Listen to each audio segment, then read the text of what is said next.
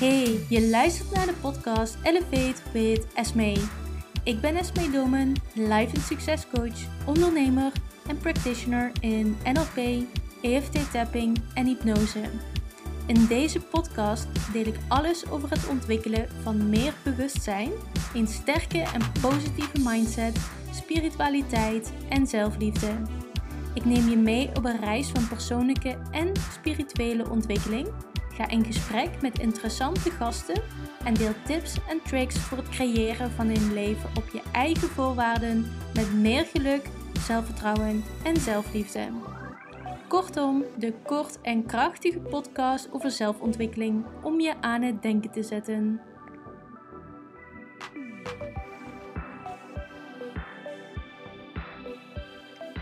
Hey, leuk dat je weer luistert naar een nieuwe aflevering. Dit keer interview ik Cynthia van de Confetti Collective. Cynthia is live business coach voor vrouwen, heeft een lange achtergrond als ondernemer en heeft vorig jaar een big bold move gemaakt door het bedrijf de Confetti Collective over te nemen. Ze heeft veel ervaring met persoonlijke ontwikkeling en het creëren van een sterke mindset.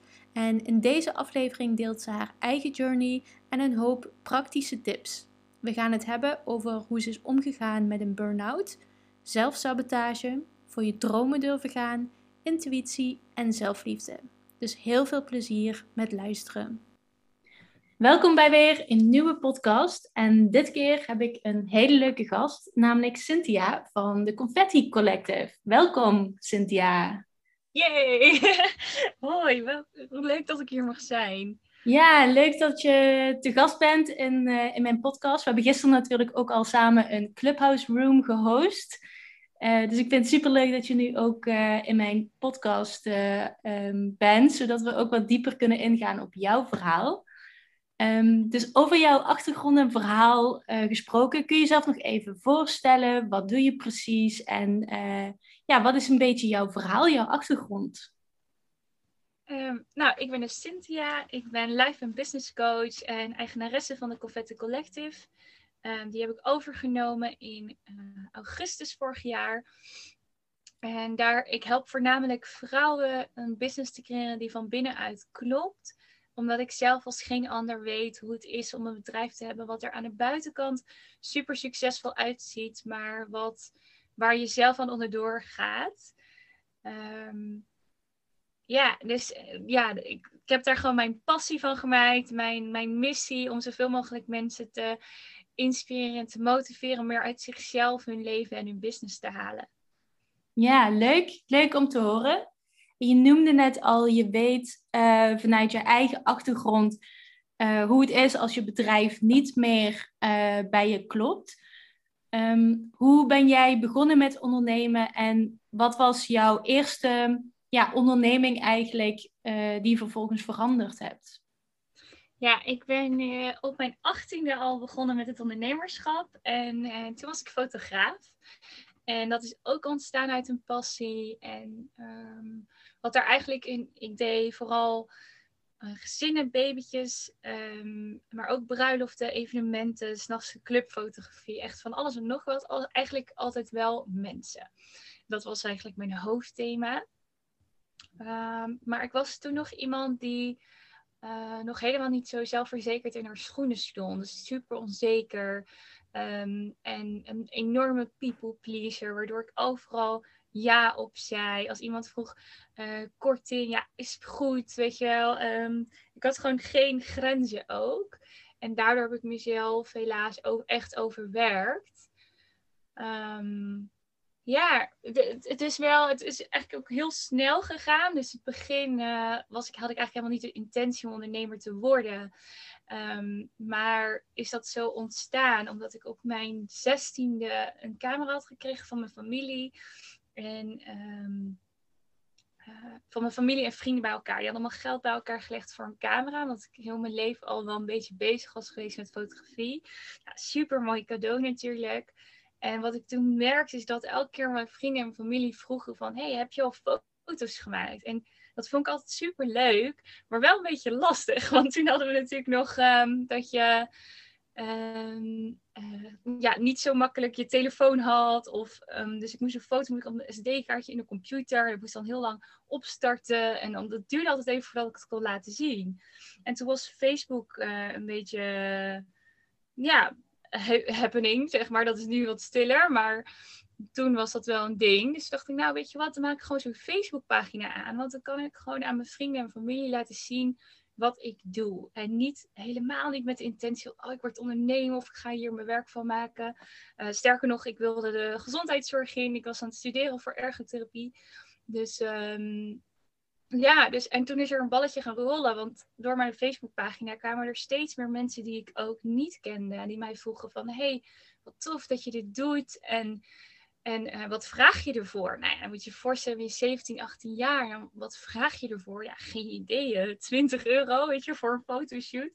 En zo um, ja, ging dat steeds verder. Ik moest heel erg hebben van mond-tot-mond reclame. En dat bouwde zich helemaal uit. Ook op een gegeven moment echt een eigen fotostudio gehad. En dan inderdaad bruiloften gaan doen. Hele toffe opdrachten ook gekregen. Ehm, ja, alleen op een gegeven moment, uh, toen ben ik dus tijdens mijn ergotherapieopleiding, die haalde ik toen niet. Toen ben ik ondernemen gaan studeren. En toen zag ik ook pas van, wow, oké, ik kan hier dus blijkbaar echt een business van maken. Dus ik leerde eigenlijk alles uh, van het ondernemerschap in school. Wat ik meteen kon toepassen op mijn bedrijf. Ehm, dus dat droeg ook bij aan een mega groei. Ja, en ehm, toen is het eigenlijk zo snel gegaan dat, dat, dat het gewoon een succes was. Iedereen wist mij te vinden.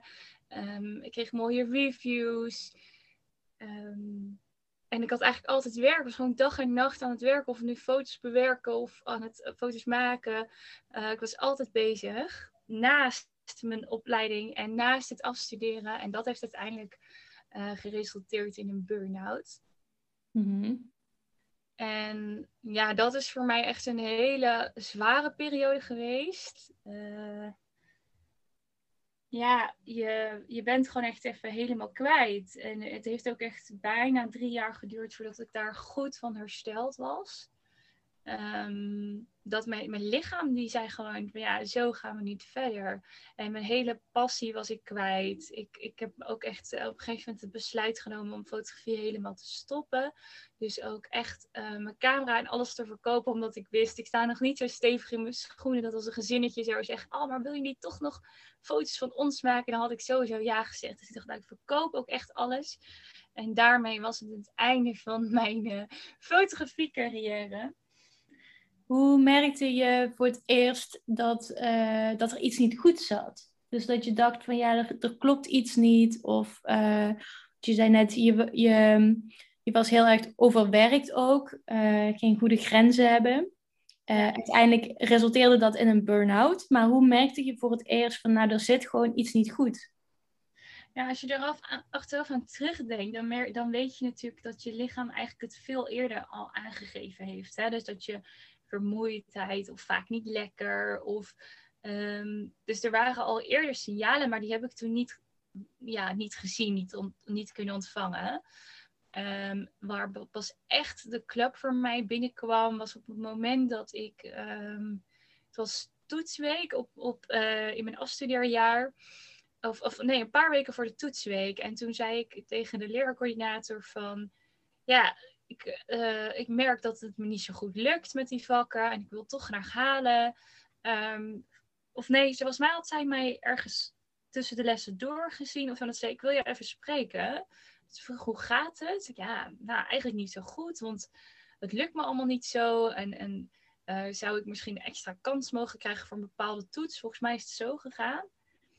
En toen keek ze mij aan en toen zei ze, ja, je hebt een burn-out. En toen dacht ik, nee, heb je het over? Weet je, ik dacht, nee joh, dat, dat, dat, nee, ik ben gewoon moe, weet je wel. Het is iedereen is moe, voor iedereen heeft het zwaar.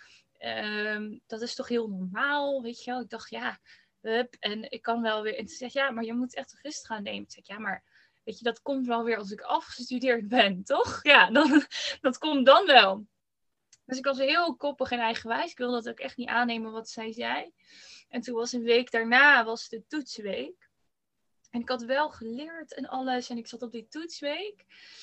En ik had een toets voor mijn neus. En ik kon gewoon niet meer lezen wat er stond. Ik kon heel de tekst niet meer lezen. Ik wist niet meer bij welk vak ik zat. Ik was het helemaal kwijt. En uh, toen ben ik daar weggelopen. Nou, toen moest ik super hard huilen. Want dan, toen was het echt de confrontatie van shit. Is dit dan toch een burn-out? Ehm, dus ja, dat is eigenlijk het moment dat ik het me realiseerde. En toen nog ging er eigenlijk een proces in gang wat ook nog heel moeizaam was. Omdat het enige wat er werd geleerd, was een burn-out ook nog niet zo bekend. Inmiddels is daar al wat meer bekend over. Um, het, het, het, gaat me ook echt aan mijn hart als ik hoor hoeveel mensen daar nu mee dealen. Um, maar wat ik toen leerde was, ja, je moet rust nemen en dan kan je weer verder. Dus met die instelling had ik ook. Nou, had een paar weken rust genomen. dacht ik, nou, nu kan ik wel weer. Maar als je op dezelfde moment, uh, manier doorgaat, dat je hebt, je hebt dat innerlijke werk te doen. Je hebt uh, van jezelf te leren houden, jezelf goed genoeg te vinden. Um, nou, ik had ook een enorme identiteitscrisis, want ja, ik was fotograaf en dat was weggevallen. Dus wie ben je dan nog? En um, ja, dat, die, dat is een hele, hele reis geweest, wat me uiteindelijk natuurlijk superveel heeft gebracht. Maar het, het stukje met alleen rust nemen, dat is helaas niet de oplossing. Ja, want welke, welke stappen heb jij buiten rust nemen nog uh, genomen? En hoe ging jouw omgeving er ook mee om? Um, nou, ik denk dat er vanuit mijn omgeving ook wel veel onbegrip was. En ook wel van ja, oké, dan, dan moet je maar rustiger aandoen, weet je wel. En wat ik ook merkte is dat je wel weer dingen moet doen waar je energie van krijgt. Dus ik, ik wilde bijvoorbeeld ook wel eens juist met mijn vriendinnen zijn of juist naar dat ene festival, omdat Um, omdat mij dat weer energie gaf. Maar dat werd dan helemaal onbegrepen. Want ja, maar jij bent toch een burn, dus je kan niks. Weet je wel? En dat is, um, ja, dat is best wel complex geweest. Maar wat ik verder aan stappen nog heb genomen. Um, op een gegeven moment kwam er een coach op mijn pad. En uh, ik, ik werkte bij uh, Hashtag Workmode, kantoor voor vrouwen. En daarom had ik haar al een paar keer uh, tegen het lijf gelopen. En had ik um, had ze verteld over wat ze aan het creëren was. Dat ze een programma aan het maken was. En eigenlijk zei ik vanaf het moment dat ze erover vertelde, zei ik, ja, dat wil ik eigenlijk ook wel doen. Wat tof. Ja, en daar is echt heel veel voor mij, uh, daar is een hele nieuwe wereld voor mij open gegaan. Zij had het over zelfliefde en het universum. En ik weet echt nog heel goed, die eerste keren dat zij dat zei, dacht ik echt, waar heb je het over? zelfliefde, dat is toch iets van uh, vol zijn van jezelf en... Uh, ja, of bubbelbadjes en gezichtsmaskertjes of zo. Maar niet, uh, ik wist niet dat waar zelfliefde echt over ging. En überhaupt universum dacht ik ook, ja, het zal wel, weet je wel. En ik ben met haar dat programma gaan doen. Dat was een heel leuk programma ook. Dat was um, Rise and Shine heette dat. En daar ging je ook echt allemaal dingen doen buiten je comfortzone. Dus we hadden ook een, een, een dansles, uh, diva dance class een, een circusles. Um, we hebben een slotje met een belofte naar jezelf gemaakt. Echt zo, zulke toffe, mooie oefeningen. En daarvoor uh, ook echt met een groep met vrouwen die allemaal ook een grotere missie hadden. Maar ook ja, die ruimte niet in durven nemen. Niet zichzelf durven te zijn. Of door wat voor omstandigheden dan ook. En ja, dat was heel bijzonder. Dus dat heeft mij wel uh, ja, heel veel gebracht. En vanaf toen is, ben ik, heb ik een enorme liefde voor persoonlijke ontwikkeling gekregen. En duik ik in elk boek en elke cursus. En ja, heb ik heel veel gedaan nog daarna. Maar op dat moment is dat denk ik de grootste stap geweest wat mij heeft geholpen. Ja, wat tof. Wat leuk ook uh, al die verschillende lessen waardoor je uit je comfortzone gaat. Dat is juist altijd zo belangrijk om, uh, ja, om ook dichter bij jezelf te komen. Om verschillende dingen uit te proberen en uh, en uit je comfortzone te gaan. Ja, zij had heel veel. Uh, zij had achtergrond in onderwijs, maar ook in theater. En um, ook wel heel erg dat spirituele stuk. En dat heeft ze allemaal ge samengevoegd. Dus soms had je oefeningen die je dan heel erg samen moest doen. Of bijvoorbeeld um, dat iemand jou aanraakt en dat je hem dan moest zeggen stop wanneer je het niet meer prettig vond. Dat zijn natuurlijk hele wel interessante oefeningen. Of dat je dat weet ik ook nog wel heel goed, dat je je beperkte overtuigingen moest opschrijven. En dan moesten we echt met de knieën tegenover elkaar zitten. En dan elkaar recht aankijken. En dan de overtuigingen die je tegen jezelf uh, zei. Dus de, dingen van ik ben niet goed genoeg. Of, of ik ben het niet waard. Of, of, ik ben niet slim genoeg. Wat je jezelf ook vertelt. Um, dat je dat tegen de ander moest zeggen.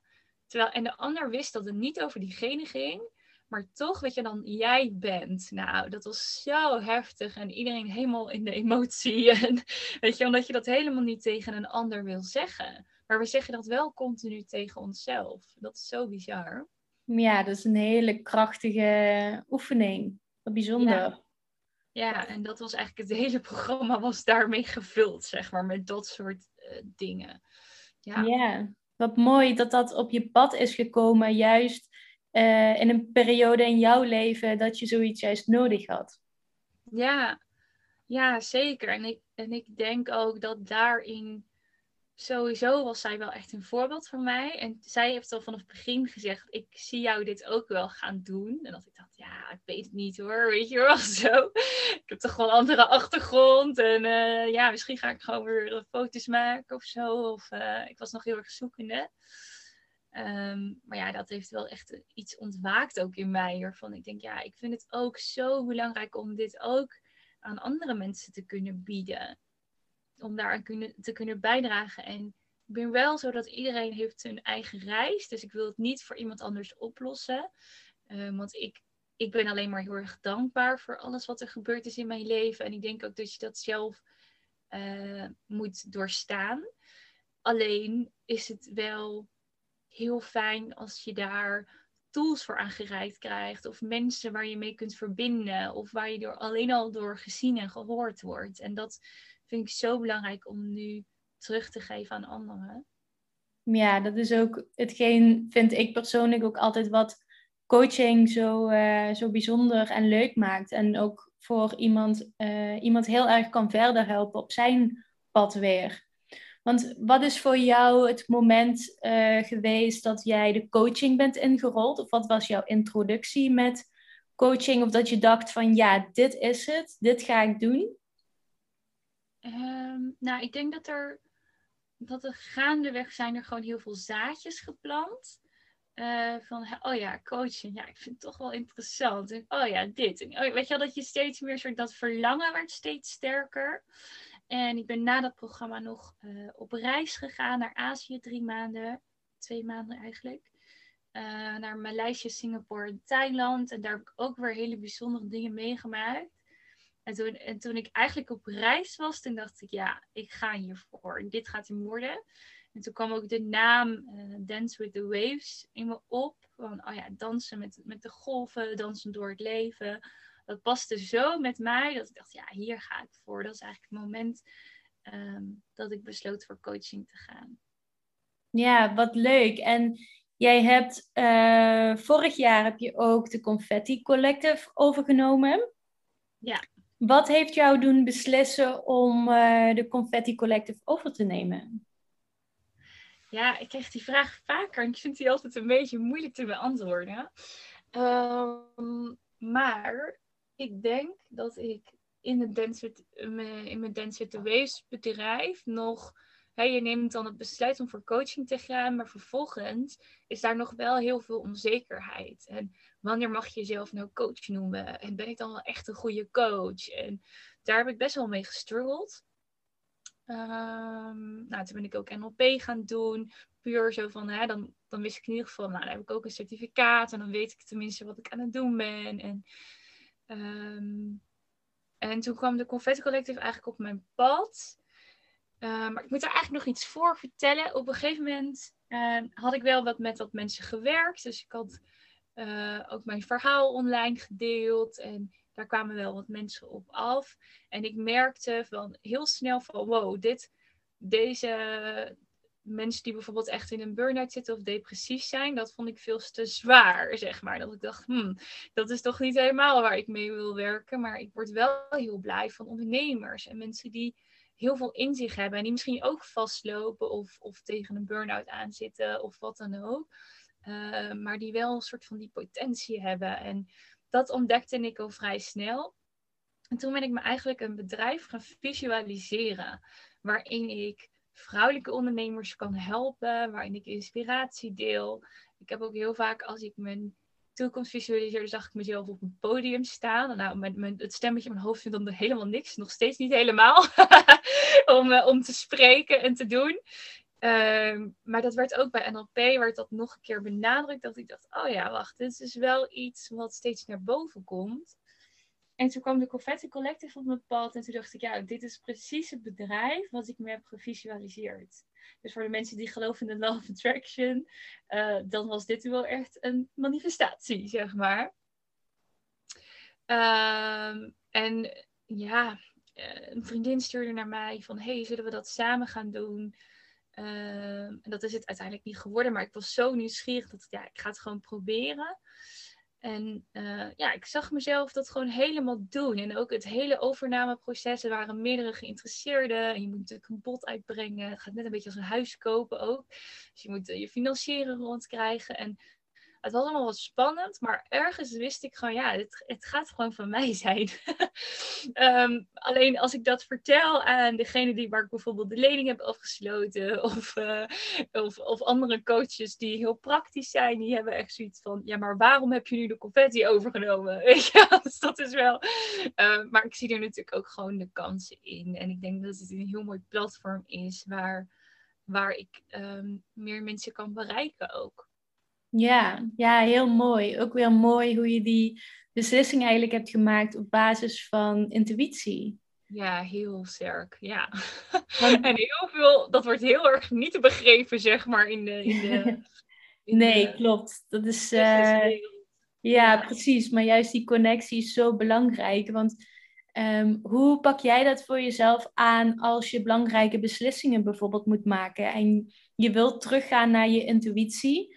Um, hoe pak je dat dan aan en hoe maak je onderscheid tussen je ego en je intuïtie? Ja, super mooie vraag. Um, wat doe ik als ik een besluit moet nemen?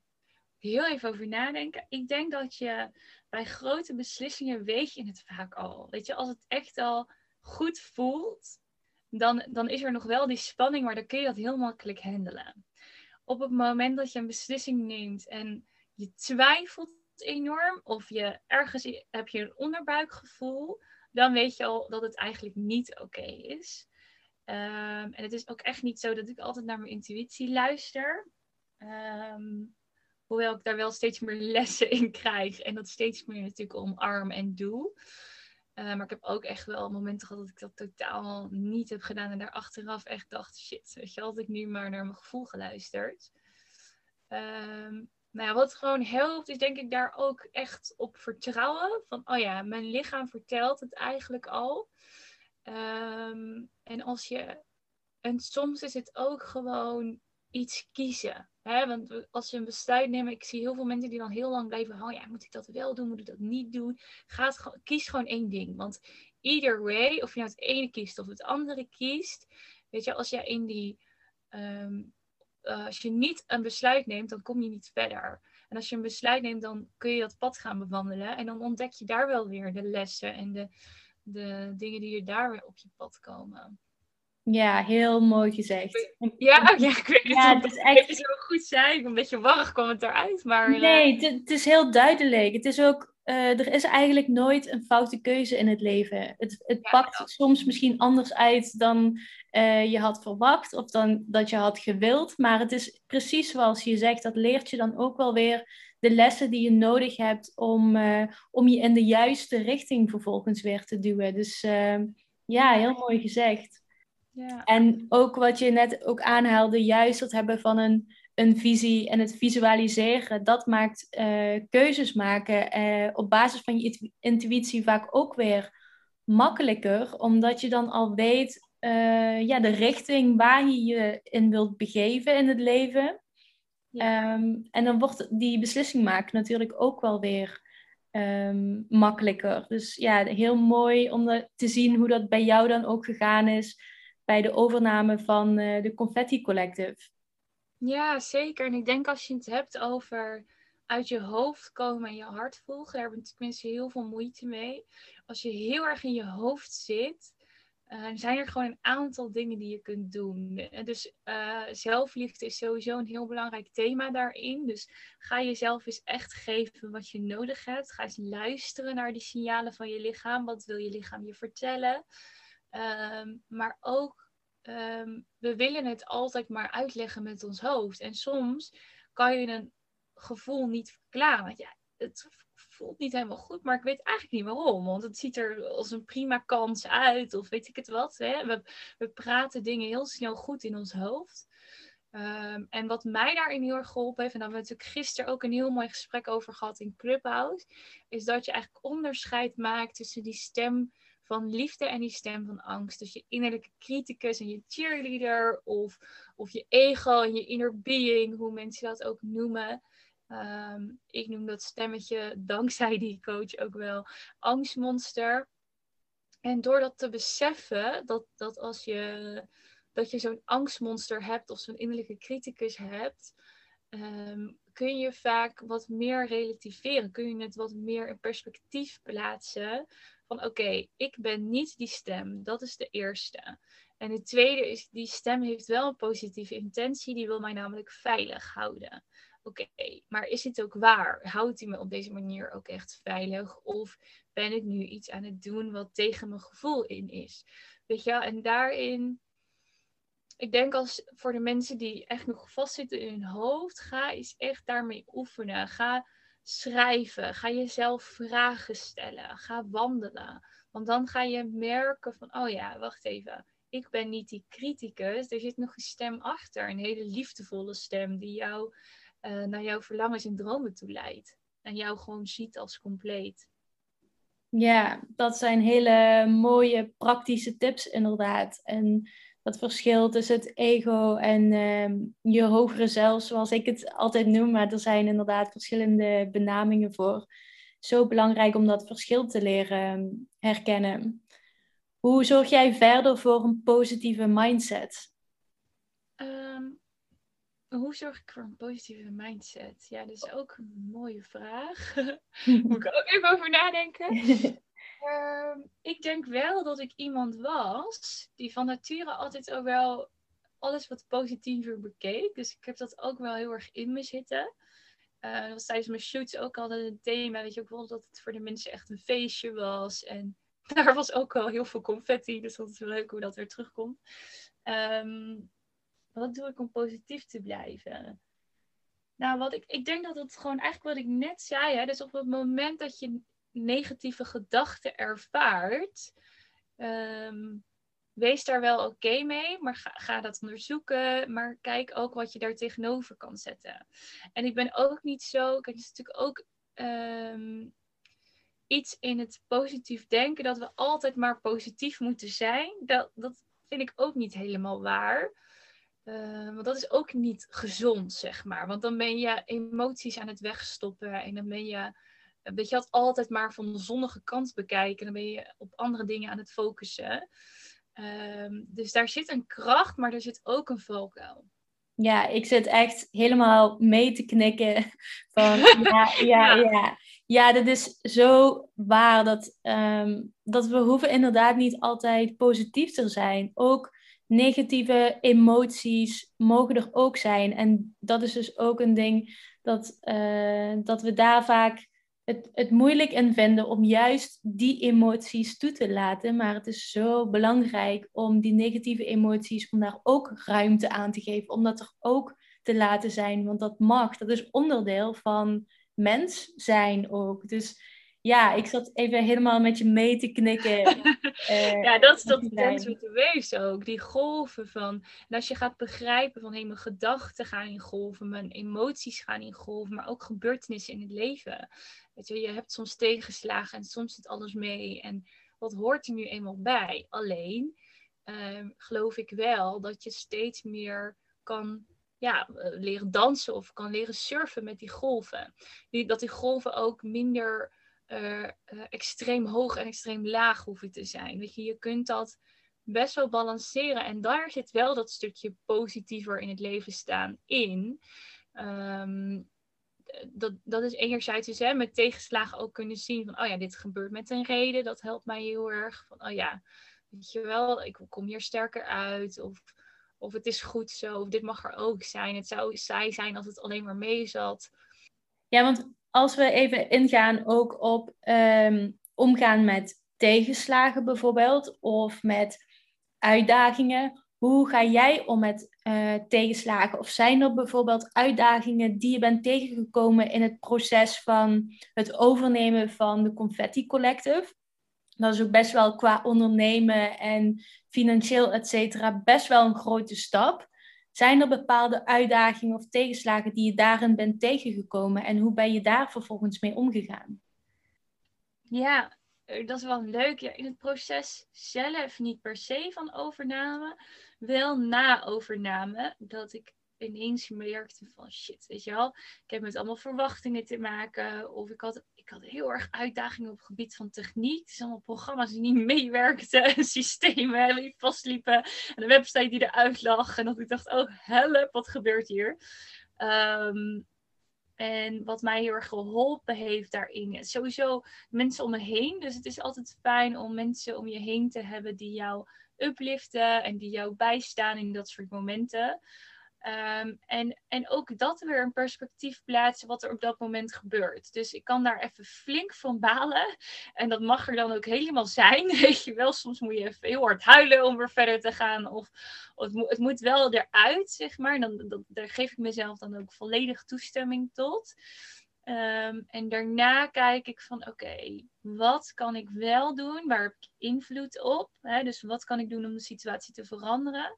Ja, dat wilde ik eigenlijk net zeggen. Dus het stukje verantwoordelijkheid nemen. Als jij vo volledig verantwoordelijkheid pakt over je eigen leven, dan zie je altijd wat er mogelijk is. Dan ga je altijd ehm, uit die slachtofferrol stappen, zeg maar, kijken van oké, dit gebeurt vast ook weer met zijn reden. Of, of wat kan ik hier aan, zelf aan doen? Nou, ik was bijvoorbeeld totaal niet technisch. Dus nou, oké, ik vraag om hulp. Ehm, blijkbaar wil ik zo super snel. En dat was eigenlijk de les die erachter zat. Hè. Ik, wil, ik moest eigenlijk gewoon vertragen. Ik mocht het stap voor stap doen. Maar ik wilde meteen al daar zijn, op die top van de berg.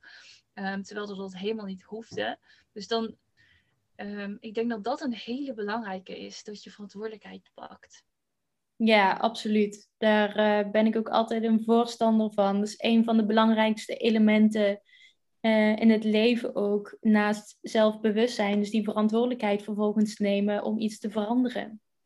Ja, en dan kun je ook kiezen. Je hebt altijd een andere keuze. Dat zeiden we gisteren ook heel mooi. Van, uh, je kunt kiezen voor een andere gedachte die je op dat moment wel meer dient. Dus als ik ik kan tegen me zeggen, als ik in het, stel dat technische stuk, om dat even nog als voorbeeld te pakken, dan kan ik blijven hangen in, ja, en ik snap het niet en ik kan geen techniek en ik had Confetti Collective niet over moeten nemen en weet ik veel wat je jezelf dan allemaal kan vertellen. Maar ik kan ook denken, ja, ik parkeer het even. Die emoties laat ik er voor zijn. En dan vervolgens ga ik kijken van, oké, wat is er wel mogelijk? Wat kan ik wel nu al oplossen? Wat moet ik even, waar moet ik iemand voor, weet je, ik heb gewoon uh, de, de, service gebeld of um, kunnen zij me misschien helpen? Weet je, ga in oplossingen denken. Maar ook gewoon positief zien van, oh ja, weet je wel, het, het, gebeurt vast met een reden. En maar ook, um, oké, dan als, ik, ik leer dit nu ook. En als het de volgende keer gebeurt, dan weet ik hier ook weer makkelijker mee te dealen. Weet je wel zo. Dus dat helpt mij gewoon heel erg om daar wel positiever in te zijn. Ja, mooi. En wat is iets waar je ehm, trots op bent van jouw hele journey tot nu toe? Oeh, um, ja, ik denk dat ik vooral trots ben op het feit dat ik altijd gewoon um, ga voor mijn dromen en verlangens. Vanaf kind al eigenlijk. Dus als ik, een, als ik iets wilde, dan ging ik daar ook voor. En daar ben ik het meest trots op, want dat heeft me zoveel gebracht. En dat, is, dat gaat over alleen op reis gaan, backpacken, um, uh, door Azië die reis maken, maar ook mijn eigen fotostudio en ook uh, de Confetti Collective nu, weet je, omdat ik daarvoor ga, volledig.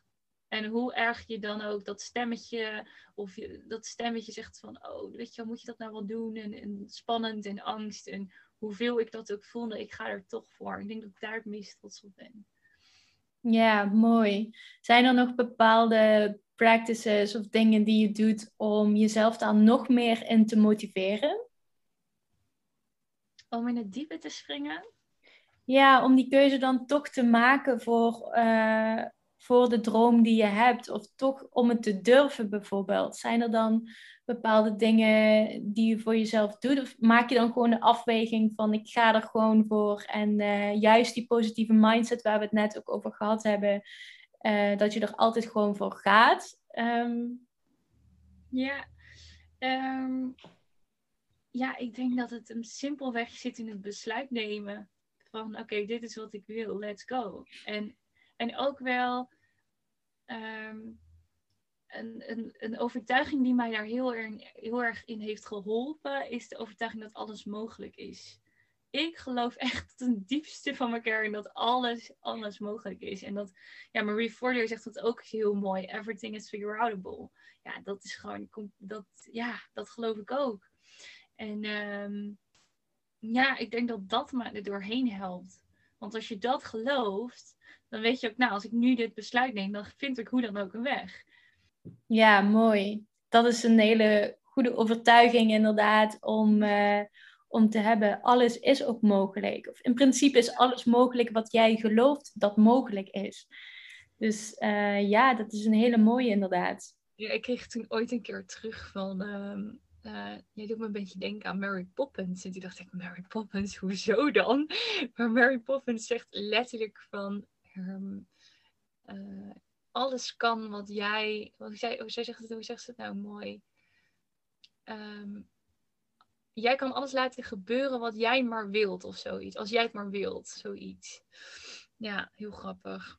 Ja, dan kom je toch weer uit op die uh, wet van aantrekking, het visualiseren en uh, een positieve mindset over wat je kunt bereiken.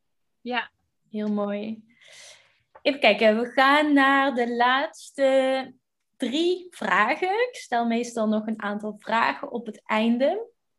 Ehm, als je nog maar één tool of practice mocht kiezen binnen zelfontwikkeling of zelfliefde bijvoorbeeld voor de rest van je leven, welke zou je dan kiezen? Wow, dat is een goede vraag. Ja, ik vind het altijd een beetje lastig welke practices ik nou eigenlijk doe. Um, als ik er nog maar één mag kiezen. Ja, ik weet er eerlijk gezegd even geen antwoord op. Is er één practice die je bijvoorbeeld echt dagelijks doet? Of die je in je ochtendroutine meeneemt? Of... Nee. uh, nou, laten we het dan op schrijven houden. Dat is denk ik. Schrijven. Ja, journaling, schrijven. Ja, want dat ja. is zo Mooi. En wat zijn je dromen nog voor de toekomst? Yes, leuke vraag. Um, ja, nou, ik heb mij de afgelopen maanden gepositioneerd als coach binnen de Confetti Collective, bewust. Ehm, en ik wil uiteindelijk weer dat het een platform wordt, waar ik ook andere ondernemers uh, podium ga geven. Ehm, ik wil toffe events gaan organiseren. Op, ik wil spreken. Wat ik al een beetje zei in het begin. Um, wat zijn nog meer erge dromen, verlangens? Ja, ik zou nog meer willen reizen. Ehm, Is er een bepaald land of deel van de wereld waar je graag naartoe zou willen reizen? Nee, nee ik vind echt alles zo interessant en mooi. Dat is echt, uh, ja, ik, ben gewoon nieuwsgierig van wat is er allemaal nog meer te zien. Um, ja, ik zou wel heel graag naar Amerika willen met zo'n zo'n camperbusje rondreizen bijvoorbeeld of zo. Maar ook de Scandinavische eilanden of uh, toch nog terug naar Azië. Ik zou heel graag naar Vietnam willen of naar India. Dus ja, er is nog zoveel te zien. Ja, precies. Laten we hopen dat het uh, snel weer mogelijk is. ja, mijn, andere, mijn allergrootste droom is eigenlijk gewoon zoveel mogelijk impact maken. En daar hangt eigenlijk alles aan samen wel.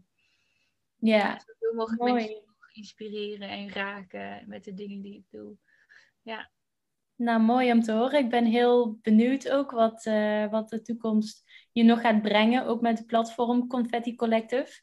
Als allerlaatste vraag, um, wat maakt jou nou echt gelukkig? Wat maakt mij nou echt gelukkig? Oeh. het mag ook iets heel kleins uh, zijn, wat je bijvoorbeeld uh, ja, klein moment.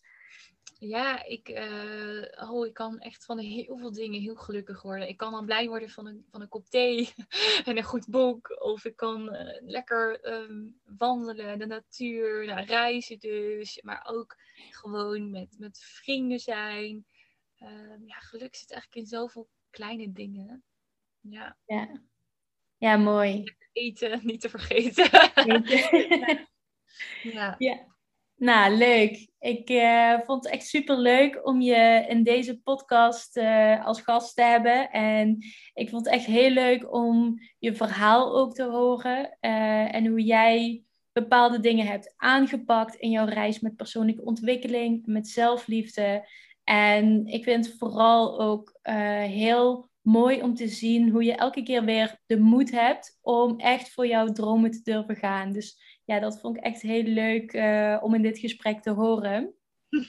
Ja, ik hoop dat ook dat, ook dat boodschap mag zijn naar je luisteraars. Dat uh, ga gewoon hoe dan ook voor je dromen. Leer van jezelf en van het leven te houden. En ga je dromen en verlangens achterna. En doe dat vooral op een manier die bij jou past. Ja, ja absoluut. Dat is een hele mooie afsluiting. Een heel mooi bericht om uh, de luisteraars mee te geven. Uh, bedankt in ieder geval voor dit mooie gesprek. En voor alle luisteraars, ik zal uh, de Instagram ook even onder deze podcast uh, van Cynthia. Um, kun je daar terugvinden. Dus ga ons allebei ook even volgen. tag ons ook als je naar deze podcast geluisterd hebt. Deel met ons wat je ervan vond, uh, wat jouw mooiste inzicht was of de tip uh, die je uit het gesprek hebt gehaald. En dan voor nu bedank ik jullie voor het luisteren. En Cynthia, super bedankt voor, uh, voor dit mooie gesprek. Jij ook super bedankt, vond het heel leuk.